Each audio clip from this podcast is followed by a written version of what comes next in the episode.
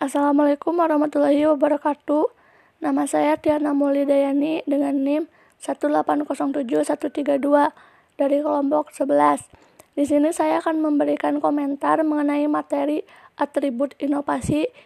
Dalam materi ini dijelaskan bahwa kita membutuhkan standar klarifikasi untuk menggambarkan yang dirasakan atribut inovasi dalam istilah universal.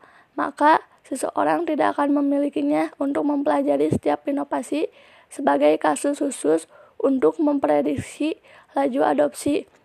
Atribut inovasi tersebut adalah yang pertama keunggulan relatif, yang kedua kompabilitas, yang ketiga kompleksitas, yang keempat kemampuan uji coba, dan yang kelima daya pengamatan.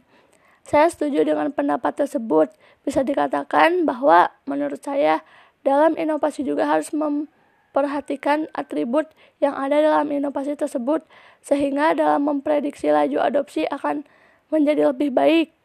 Selanjutnya di sini saya akan bertanya kepada penyaji yaitu Saudara Agung.